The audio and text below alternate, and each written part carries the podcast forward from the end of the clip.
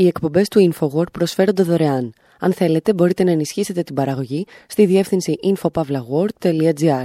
Η διεύθυνση infopavlagor.gr. Η εκπομπή InfoWord με τον Άρη Χατζηστεφάνου.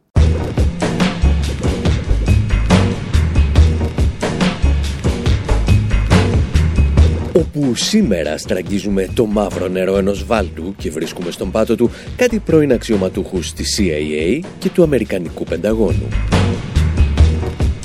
Συζητάμε για μισθοφόρους από την αρχαιότητα μέχρι σήμερα και ακούμε μουσικές ιστορίες για αυτό που ο William Shakespeare αποκαλούσε τα σκυλιά του πολέμου. Θυμόμαστε ιστορίες για την περίφημη εταιρεία Blackwater, η οποία αφού εκπαίδευσε τους ειδικούς φρουρούς της ελληνικής αστυνομίας, αποφάσισε να ανατρέψει την κυβέρνηση της Βενεζουέλας για λογαριασμό της Ουάσιγκτον. Αναρωτιόμαστε εάν οι εταιρείες μισθοφόρων αποτελούν τέκνα του υγιούς επιχειρήν, εάν είναι συμβάσεις δημόσιου ιδιωτικού τομέα ή αν απλώς είναι άλλη μια μορφή κρατικοδίαιτων σκουλικιών του ιδιωτικού τομέα.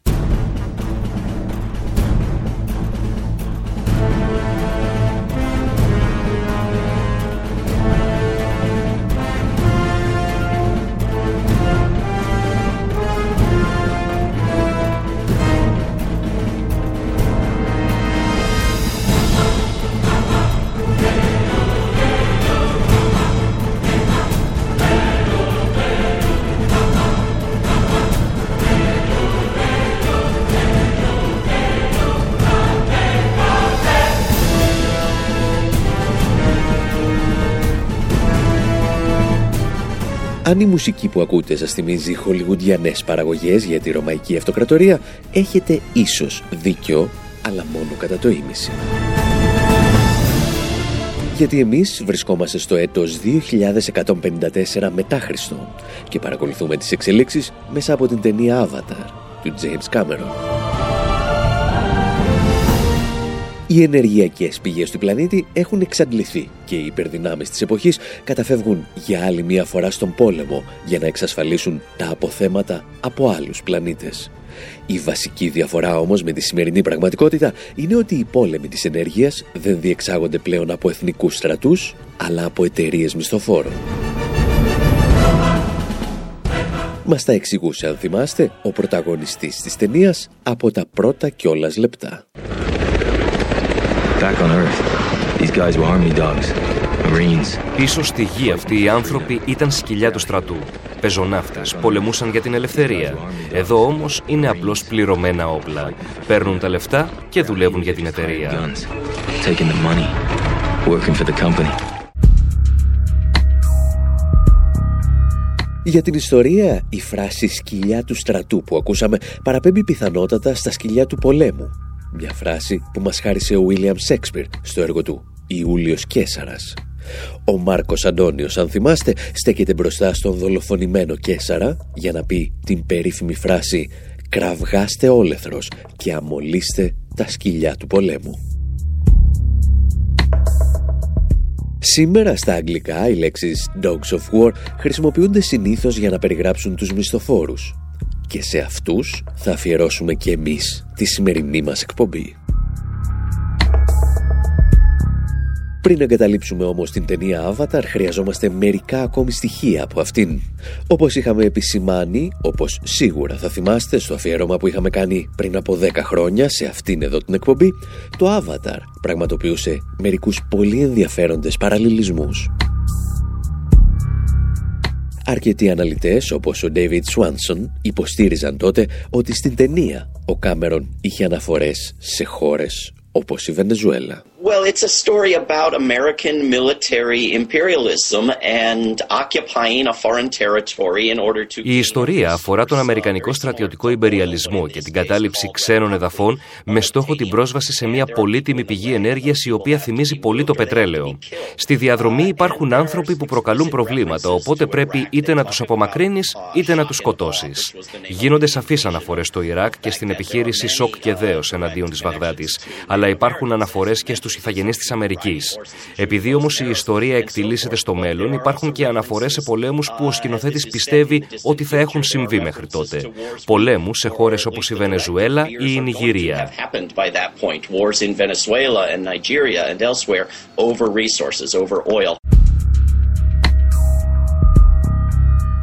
Αν υπάρχει έστω και μια στάλα αλήθεια στα λεγόμενα του David Swanson, ο Κάμερον στο Avatar έπεσε μέσα σε δύο πολύ σημαντικά σημεία. Καταρχήν, ότι οι Ηνωμένες Πολιτείες θα θελήσουν να καταλάβουν τη Βενεζουέλα για να ελέγχουν το πετρέλαιο και τον ορυκτό πλούτο της χώρας. Τουλάχιστον ο σύμβουλος εθνικής ασφαλείας του Τραμπ, ο Τζον Μπόλτον, είχε το θάρρος να το αναγνωρίσει δημοσίως. We're looking at the oil assets. That's the single most uh, important income stream to the government of Venezuela. It'll make a... Μας ενδιαφέρουν τα αποθέματα πετρελαίου τα οποία αποτελούν τη βασική πηγή εσόδων για την κυβέρνηση της Βενεζουέλας. Θα είχε μεγάλη σημασία για την οικονομία των ΗΠΑ εάν αμερικανικές εταιρείες πετρελαίου αναλάμβαναν να επενδύσουν και να παράγουν αυτές το πετρέλαιο της Βενεζουέλας.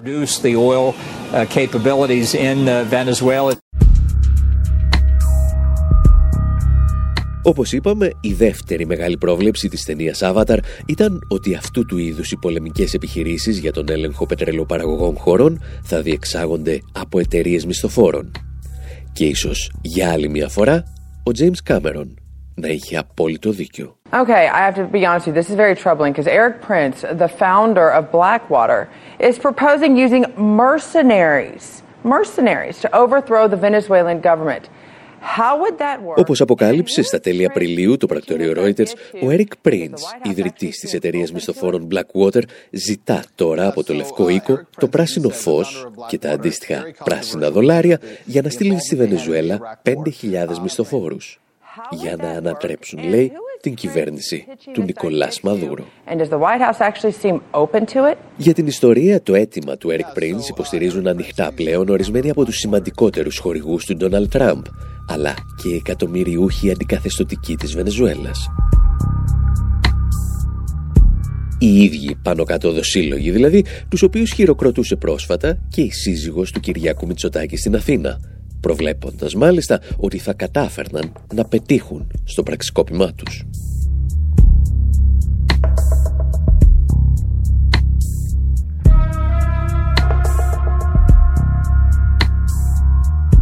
Για την εταιρεία μισθοφόρων Blackwater μιλούσαμε, όπως σας είπαμε, για πρώτη φορά πριν από τουλάχιστον 10 χρόνια.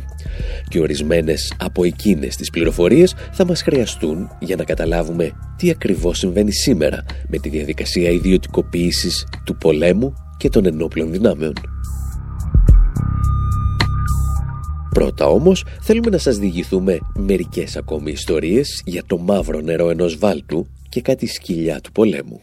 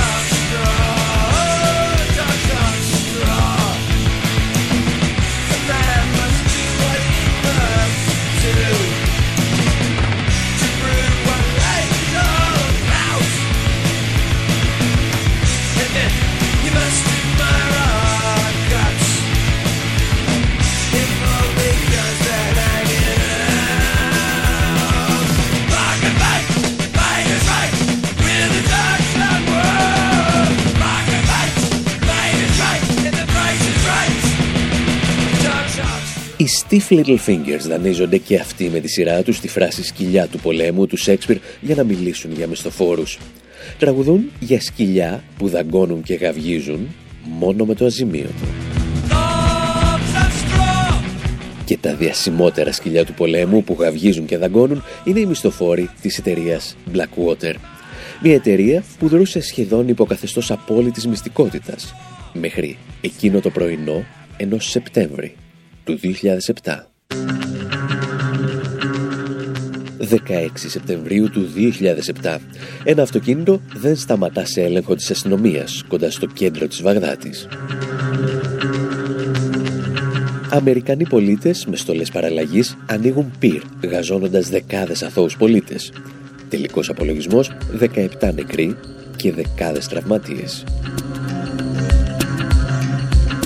Οι οπλοφόροι μπορεί να φορούσαν στρατιωτικές στολές, αλλά δεν υπάγονταν στο Αμερικανικό Πεντάγωνο. Πρόκειται για μισθοφόρους της Αμερικανικής εταιρείας Blackwater, οι οποίοι εργάζονταν στο Ιράκ προσφέροντας προστασία σε διπλωμάτες και ξένους επιχειρηματίες. Οι δράστες δηλώνουν τότε ότι δέχθηκαν επίθεση. Η έρευνα που ακολουθεί όμως δεν συμφωνεί και τόσο με αυτή την άποψη. Προκαταρκτική έρευνα της Ιρακινής κυβέρνησης αποδεικνύει ότι οι υπάλληλοι της Blackwater δεν είχαν δεχθεί επίθεση όταν άνοιξαν πύρν την περασμένη Κυριακή. Οι υπάλληλοι πυροβόλησαν αυτοκίνητο το οποίο δεν σταμάτησε σε σήμα της αστυνομίας. Σύμφωνα με την Ιρανική κυβέρνηση, από τους πυροβολισμούς σκοτώθηκαν 20 πολίτες, αριθμός πολύ μεγαλύτερος από αυτόν που αναφέρθηκε αρχικά.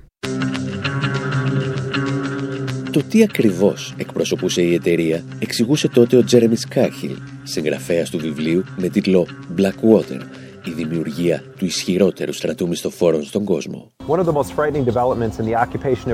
Μία από τις πιο τρομακτικές εξελίξεις στην κατοχή του Ιράκ και το λεγόμενο πόλεμο εναντίον της διεθνούς τρομοκρατίας παραμένει άγνωστη.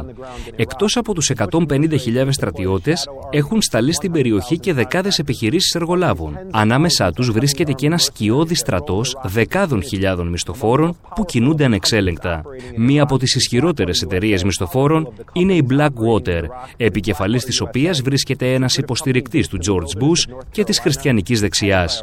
Η εταιρεία παρουσιάζεται ως μια επιχείρηση παροχής υπηρεσιών ασφαλείας. Στην πραγματικότητα έχει μετατραπεί σε βασικό παίκτη του πολέμου κατά της διεθνούς τρομοκρατίας και αποτελεί φρουρά πρετοριανών της κυβέρνησης Bush.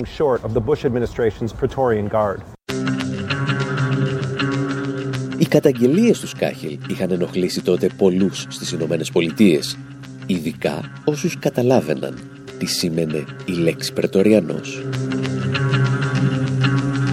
Στην αρχαία Ρώμη, όπως έχουμε εξηγήσει πολλές φορές, η φρουρά των Πρετοριανών είχε το καθήκον να προστατεύει τον αυτοκράτορα. Ήταν το μόνο ένοπλο σώμα που μπορούσε να κινείται νότια του ποταμού Ρουβίκονα. Ο υπόλοιπος στρατός απαγορευόταν να διαβεί αυτό το φυσικό όριο για τον φόβο πραξικοπημάτων. Οι Πρετοριανοί όμως δρούσαν από την πρωτεύουσα της αυτοκρατορίας. Στη δική μας περίπτωση, στην πρωτεύουσα της αυτοκρατορίας γνώριζαν ελάχιστα για τη δράση της Blackwater. Γερουσιαστές, όπως η κυρία Σκακόφσκι, αποκάλυπταν τότε ότι η υπόθεση καλύπτονταν από ένα πέπλο μυστήριου. Ουσιαστικά δεν έχουμε καμία πληροφόρηση για την υπόθεση. Πιστεύουμε ότι από κάθε δολάριο που δαπανάτε για τον πόλεμο, τα 40 cents πηγαίνουν σε ιδιωτικές εταιρείες. Πιστεύουμε ότι τουλάχιστον 800 μισθοφόροι έχουν σκοτωθεί στο Ιράκ. Αλλά δεν το γνωρίζουμε με ακρίβεια γιατί δεν συμπεριλαμβάνονται στις λίστες των νεκρών Αμερικανών στρατιωτών. Πιστεύουμε ότι ο αριθμός των μισθοφόρων που εμπλέκονται σε στρατιωτικές επιχειρήσεις κυμαίνεται από 25 έως 40.000 άτομα. Αλλά δεν το γνωρίζουμε επισήμως και δεν έχουμε κανένα τρόπο να το μάθουμε.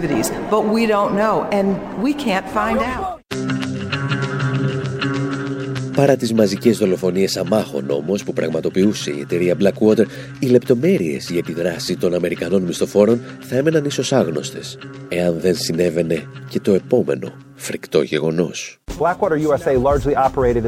Η Blackwater λειτουργούσε στη σκιά της Αμερικανικής πολεμικής μηχανής μέχρι το πρωινό της 31ης Μαρτίου του 2004. Τότε, τέσσερα μέλη της εταιρείας σκοτώθηκαν στη σουνητική πόλη της Φαλούτζα. Τα πτώματά τους κάηκαν και σύρθηκαν στους δρόμους, ενώ δύο κρεμάστηκαν σε μία γέφυρα πάνω από τον Εφράτη. Όπως είχε συμβεί παλαιότερα και στη Σομαλία, αυτή ήταν μια καθοριστική στιγμή του πολέμου. Σε αντίθεση όμως με τη Σομαλία, όπου ο πρόεδρος Κλίντον αποσύρθηκε, η κυβέρνηση Μπούς ενορχίστρωσε μαζική επίθεση εκδίκησης. Αμερικανοί στρατιώτες εισέβαλαν στη Φαλούτζα, σκότωσαν εκατοντάδες ανθρώπους και εκτόπισαν χιλιάδες άλλους. Ουσιαστικά έριξαν λάδι στη φωτιά της Ιρακινής αντίστασης, η οποία κατατρέχει ακόμη τα αμερικανικά στρατεύματα κατοχής.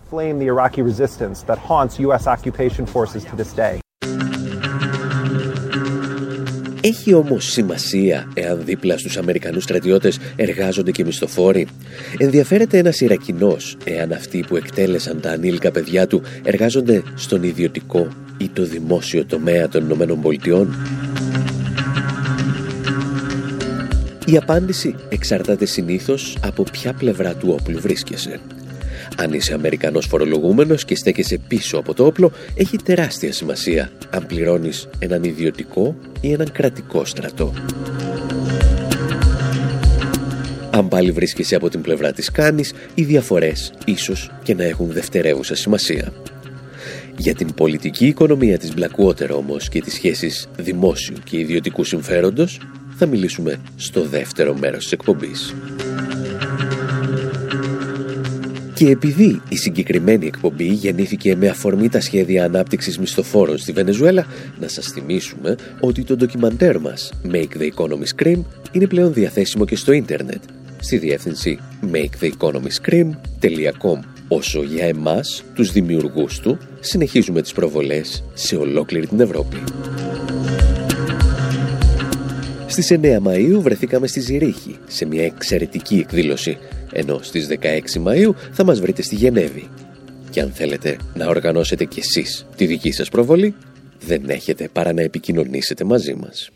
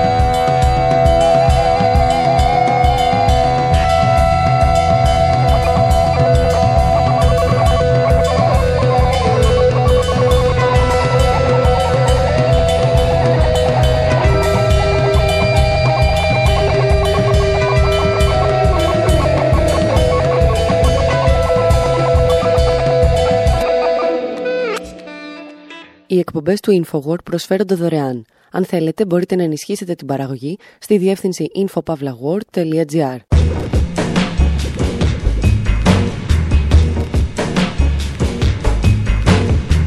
Εκπομπή InfoWord, μέρος δεύτερο όπου δανειζόμαστε φράσεις του Σέξπιρ για να μιλήσουμε για τα σκυλιά του πολέμου, τους σύγχρονους μισθοφόρους. Είδαμε την εταιρεία Blackwater να πραγματοποιεί εγκλήματα πολέμου στο Ιράκ και σήμερα με τη νέα της ονομασία σε Academy να διεκδικεί ένα ρόλο και για τη Βενεζουέλα. Τώρα όμως θέλουμε να εστιάσουμε για λίγο στην πολιτική οικονομία των μισθοφόρων και στο θέμα θα αναλάβουν να μας βάλουν οι Ramones.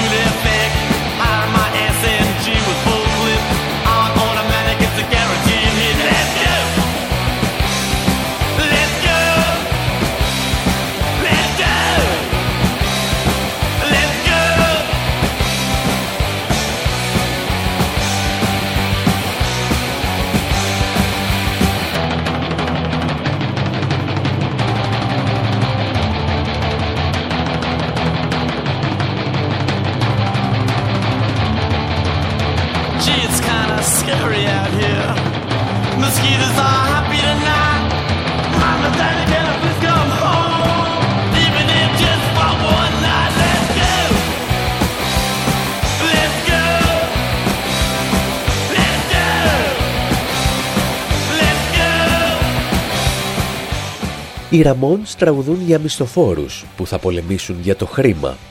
Εκείνες τις δύσκολες στιγμές λένε που ξέρεις τι θέλεις να πετύχεις, αλλά ο στρατός σου ενδέχεται να αυτομολύσει. Το οποίο είναι η μία περίπτωση γιατί μια κυβέρνηση να θέλει να επενδύσει σε μισθοφόρους. Το δεύτερο είναι ότι ανοίγει τις πύλες των ιδιωτικοποιήσεων στο τελευταίο προπύργιο του κρατικού μηχανισμού. Και αυτό ακριβώς σκέφτηκε να κάνει πριν από σχεδόν δύο δεκαετίες ο τότε Υπουργός Άμυνας των Ηνωμένων Πολιτειών, Ντόναλτ Ράμσφελντ. 10 Σεπτεμβρίου 2001. Στο κτίριο του Πενταγώνου, ο Ντόναλτ Ράμσφελτ δίνει μία από τις πρώτες εφόλεις της ύλης συνεντεύξεις τύπου από το νέο του πόστο.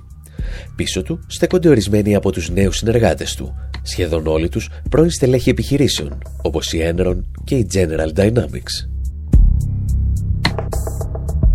Δεχόμαστε μια τρομακτική απειλή επίθεσης, λέει ο Ράμσφελτ και δεν αναφέρεται σε κάποιον από τους λεγόμενους δικτάτορες που κυβερνούν σε ορισμένα σημεία του πλανήτη, αλλά στη γραφειοκρατία του Πενταγώνου.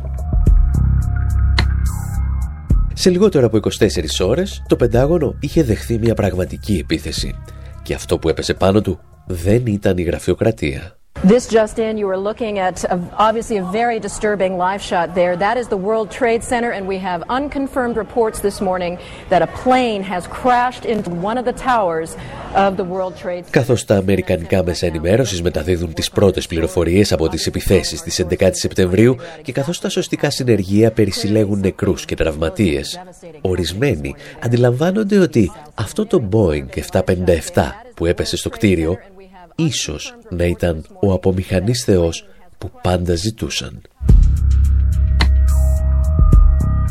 Ήταν το μέσο που θα τους επέτρεπε να προχωρήσουν στην μερική ιδιωτικοποίηση της ισχυρότερης πολεμικής μηχανής που γνώρισε ποτέ η ανθρωπότητα, των Αμερικανικών ενόπλων δυνάμεων. Ένα από τα τέκνα αυτής της διαδικασίας ήταν φυσικά και η εταιρεία Blackwater, η οποία ενηλικιώθηκε στα χρόνια του λεγόμενου πολέμου κατά της διεθνούς τρομοκρατίας. Σήμερα η αξία της ξεπερνά το 1 δισεκατομμύριο δολάρια και ο στρατιωτικός εξοπλισμός που διαθέτει θα έκανε αρκετούς στρατούς μικρών χωρών να δηλώσουν υποταγή πριν ακόμη ξεκινήσει η μάχη. Μπράβο τους, θα αναφωνήσουν εδώ οι θειασότες της ελεύθερης αγοράς. Τα παιδιά τα κατάφεραν με την αξία τους και τη σκληρή δουλειά τους. Μόνο που η ιστορία έχει όπως πάντα και έναν δράκο. Για την ακρίβεια έχει ένα κρατικοδίαιτο σκυλί του πολέμου.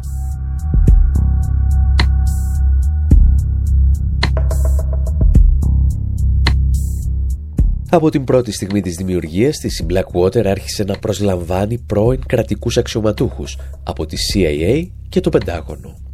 Μια νέα περιστρεφόμενη πόρτα είχε μόλις ανοίξει. Και ίσως το χαρακτηριστικότερο παράδειγμα να ήταν ο Κόφερ Μπλακ.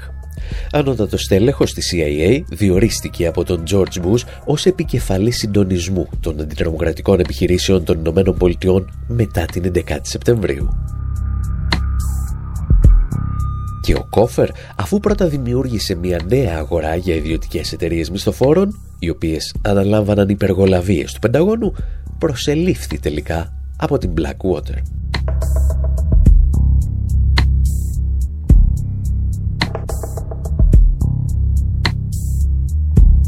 Όπως κάθε καλή κρατικοδίαιτη εταιρεία, έτσι και η Blackwater άρχισε να υπερκοστολογεί τις υπηρεσίες της. Έτσι, ένας μισθοφόρος της εταιρείας έφτασε να κοστίζει περίπου 1.200 δολάρια την ημέρα. Δηλαδή, χρειαζόσουν περίπου μισό εκατομμύριο δολάρια για να τον απασχολήσεις για ένα χρόνο. Και αυτό σημαίνει ότι ήταν έξι φορές ακριβότερος από έναν Αμερικανό στρατιώτη. Σύμφωνα βέβαια με τον Eric Prince, τον δημιουργό της Blackwater, οι μισθοφόροι του αξίζουν τα λεφτά τους γιατί είναι καλύτερα εκπαιδευμένοι. Το οποίο είναι ίσως αληθές ως επιχείρημα, αλλά σε καμία περίπτωση δεν μπορεί να είναι έξι φορές καλύτεροι από έναν στρατιώτη. Το βασικό πλεονέκτημα των μισθοφόρων σε όλη την ανθρώπινη ιστορία ήταν και παραμένει άλλο. Το βασικό πλεονέκτημά τους είναι ότι επιτρέπουν στα κράτη που τους χρησιμοποιούν να πραγματοποιούν εγκλήματα πολέμου παρακάμπτοντας το διεθνές δίκαιο το οποίο εμπολής έχει δημιουργηθεί για να αντιμετωπίζει περιπτώσεις εθνικών στρατών. Όταν λόγου χάρη επιχειρούσαν στο Ιράκ, οι μισθοφόροι της Blackwater δεν υπάγονταν ούτε στην Ιρακινή αλλά ούτε και στην Αμερικανική νομοθεσία. Πιο απλά έκαναν ό,τι ήθελαν χωρίς να δίνουν λόγο σε κανέναν. Γι' αυτό ακριβώς το λόγο άλλωστε, στο παρελθόν το Πεντάγωνο είχε αναθέσει τα βασανιστήρια που πραγματοποιούνταν στο Abu Ghraib σε ιδιωτικές εταιρείες. Όπως είχαν αποκαλύψει τότε οι Financial Times, οι Αμερικανοί στρατιώτες που συμμετείχαν στον εξευτελισμό Ιρακινών κρατουμένων τιμωρήθηκαν, έστω και συμβολικά. Οι ιδιώτες βασανιστές όμως δεν τιμωρήθηκαν ποτέ.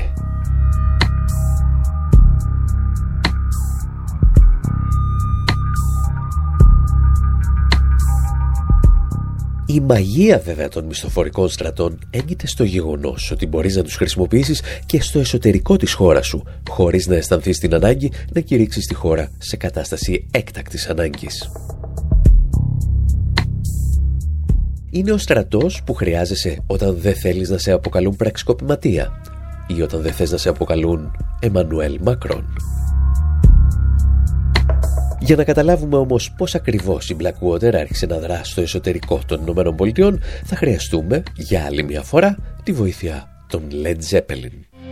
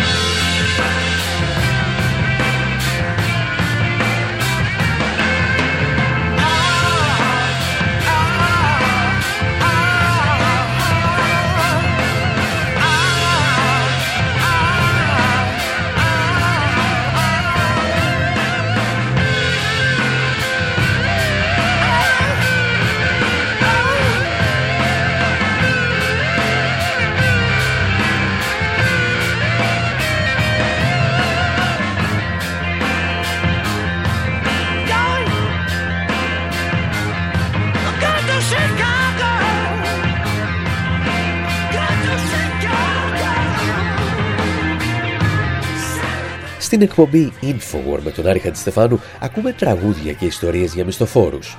Και κάνουμε μόνο αυτό το μικρό διάλειμμα με τους Led Zeppelin για να ακούσουμε την πρόγνωση επικίνδυνων καιρικών φαινομένων.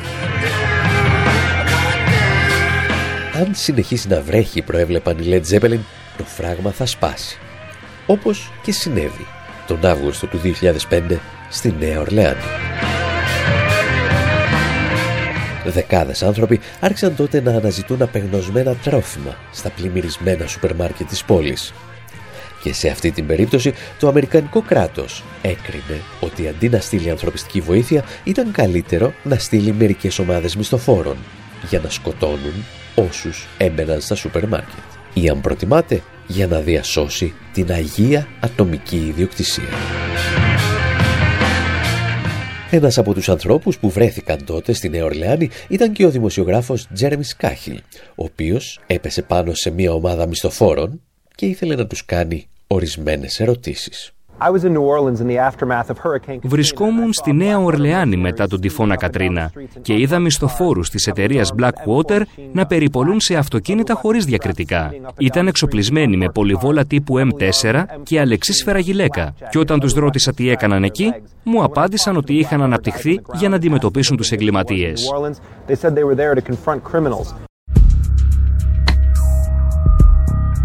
Για τον Τζέρεμι Σκάχιλ αυτού του είδους η ιδιωτική στρατή ήταν απλώς η λογική συνέχεια των προγραμμάτων ιδιωτικοποίησης που δοκιμάζονταν στο εξωτερικό και επανεισάγονταν μέσα στις Ηνωμένε Πολιτείες. Η κυβέρνηση Μπούς ήρθε στην εξουσία με ένα ριζοσπαστικό πρόγραμμα ιδιωτικοποιήσεων. Οι ιδιωτικοποιήσεις αφορούσαν τα σχολεία, τις φυλακές, το σύστημα υγείας, αλλά και τις δυνάμεις επιβολής της τάξης. Η κατοχή του Ιράκ και ο πόλεμος εναντίον της τρομοκρατίας οδήγησαν στη μεγαλύτερη ιδιωτικοποίηση του πολέμου που έχει συντελεστεί στη σύγχρονη ιστορία.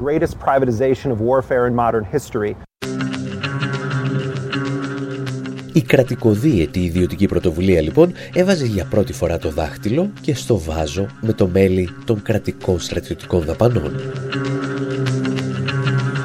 Τα σκυλιά του πολέμου, τα οποία καλούσε ο Μάρκος Αντώνιος πάνω από το κουφάρι του Ιούλιου Κέσσαρα, είχαν έρθει επιτέλους στην πόλη. Για να έρθουν βέβαια τα σκυλιά έπρεπε πρώτα ο ίδιος ο Ιούλιος Κέσσαρας να καταλύσει τη δημοκρατία επιτρέποντας στο στρατό να διασχίσει τον ποταμό Ρουβίκονα. Γιατί πάντα τα σκυλιά μπαίνουν στη χώρα όταν πλέον η δημοκρατία, δηλαδή το Republic, έχει δώσει τη θέση του στο Imperium. Εμείς πάλι ακούμε ένα ακόμη τραγουδάκι για μισθοφόρους, οδεύοντας προς το κλείσιμο μίας ακόμη εκπομπής.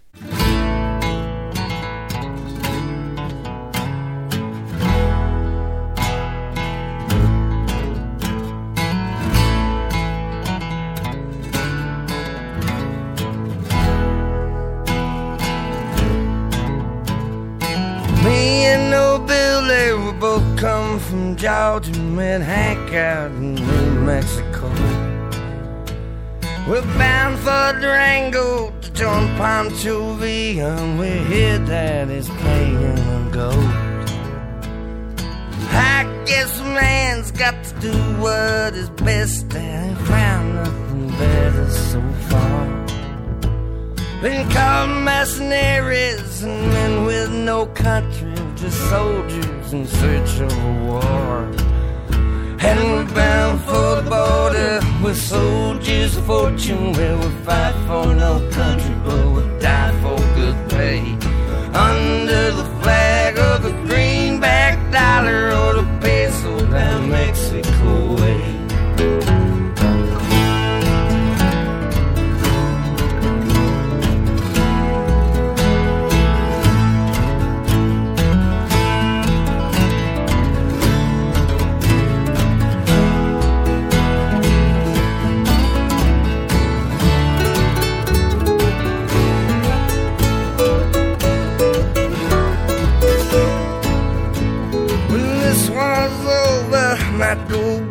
Georgia and settle down quiet somewhere. I'll most likely pack up and head south for Chile. Tell us some trouble down there. and we're bound for the border with soldiers of fortune. We'll fight for no country, but we'll die for good pay. Under the flag of the greenback dollar or the peso. Ο Steve Earle τραγουδάκια Αμερικανούς μισθοφόρους που περνούσαν τα σύνορα για να πολεμήσουν στη Μεξικανική Επανάσταση.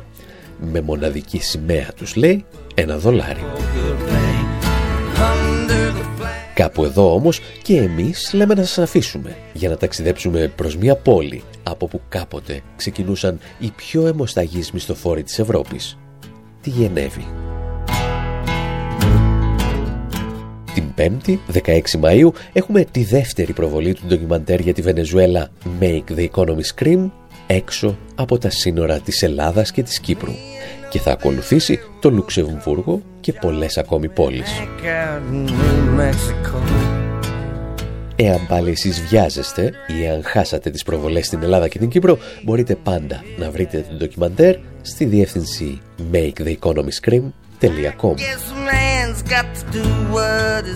Μέχρι την επόμενη εβδομάδα, από τον Άρη Χατζηστεφάνου στο μικρόφωνο και τον Δημήτρη Σταθόπουλο στην τεχνική επιμέλεια, γεια σας και χαρά σας. some work